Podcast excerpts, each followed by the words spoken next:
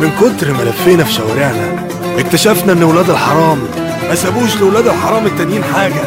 اسمع حكاوي أسامة الشاذلي. أحمد عزت شاب مصري طموح حاصل على بكالوريوس تجارة زيه زي 18 ألف واحد بيتخرجوا كل سنة. بيشتغل مندوب مبيعات في شركة عطور زيه زي غيره كتير. الفرق الوحيد بينه وبين غيره إن أحمد عنده مشروع شخصي وبيشتغل على نفسه فيه. آه نسيت أقول لكم معلومة مهمة. أحمد عزت منوفي وده في حد ذاته شيء عادي جدا لكن عند أحمد ده مش شيء عادي خالص. أحمد طول عمره بيعتبر المنايفة أصحاب دم أزرق ملكي وإنهم كانوا دولة مستقلة من آلاف السنين قبل ما يتحدوا مع مصر ويحكموها. لا ده كمان مقتنع بإن الفراعنة أصلا منايفة. والحقيقة دي أخفاها المؤرخين من الحقد والغيظ على الشعب المنوفي المختار. يبقى طبيعي كمان إنه يحكم مصر في يوم من الأيام. أيوة يا سيدي بمنتهى الصراحة أحمد بيحلم يحكم مصر يبقى رئيس جمهورية. ومع إنه ما عداش أصلا قبل كده قدام الكلية الحربية لكن خلاص بقى عنده أمل بعد ثورة 25 يناير ومطالبة الثورة برئيس مدني. أحمد بقى يا جدعان ما كدبش خبر.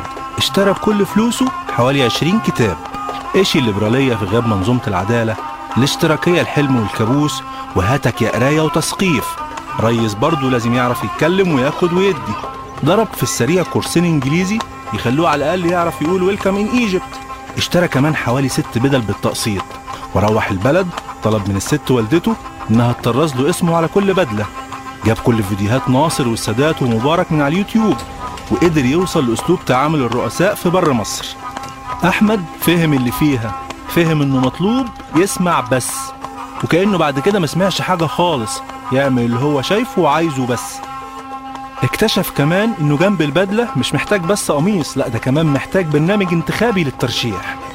مش مهم إنه ينفذه المهم إنه يعرف يقدمه ولأنه مقتنع بمبدأ إن اللي بيقول ما بيعملش فالبرنامج ده فرصة إنه يقول علشان ما يعملش. لكن أحمد عنده مشكلة كبيرة جدا. المشكلة دي مش مخليه يعرف ينام لا ليل ولا نهار. المشكلة دي إنه مش المنوفي الوحيد في مصر. مصر فيها مليون منوفي ممكن يحلموا نفس الحلم.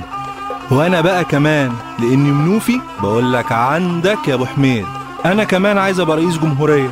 ووريني بقى مين فينا بدلته أحلى. بكرة حكاية جديدة من ولاد الحرام. ما سابوش لولاد الحرام التانيين حاجة. مع أسامة الشاذلي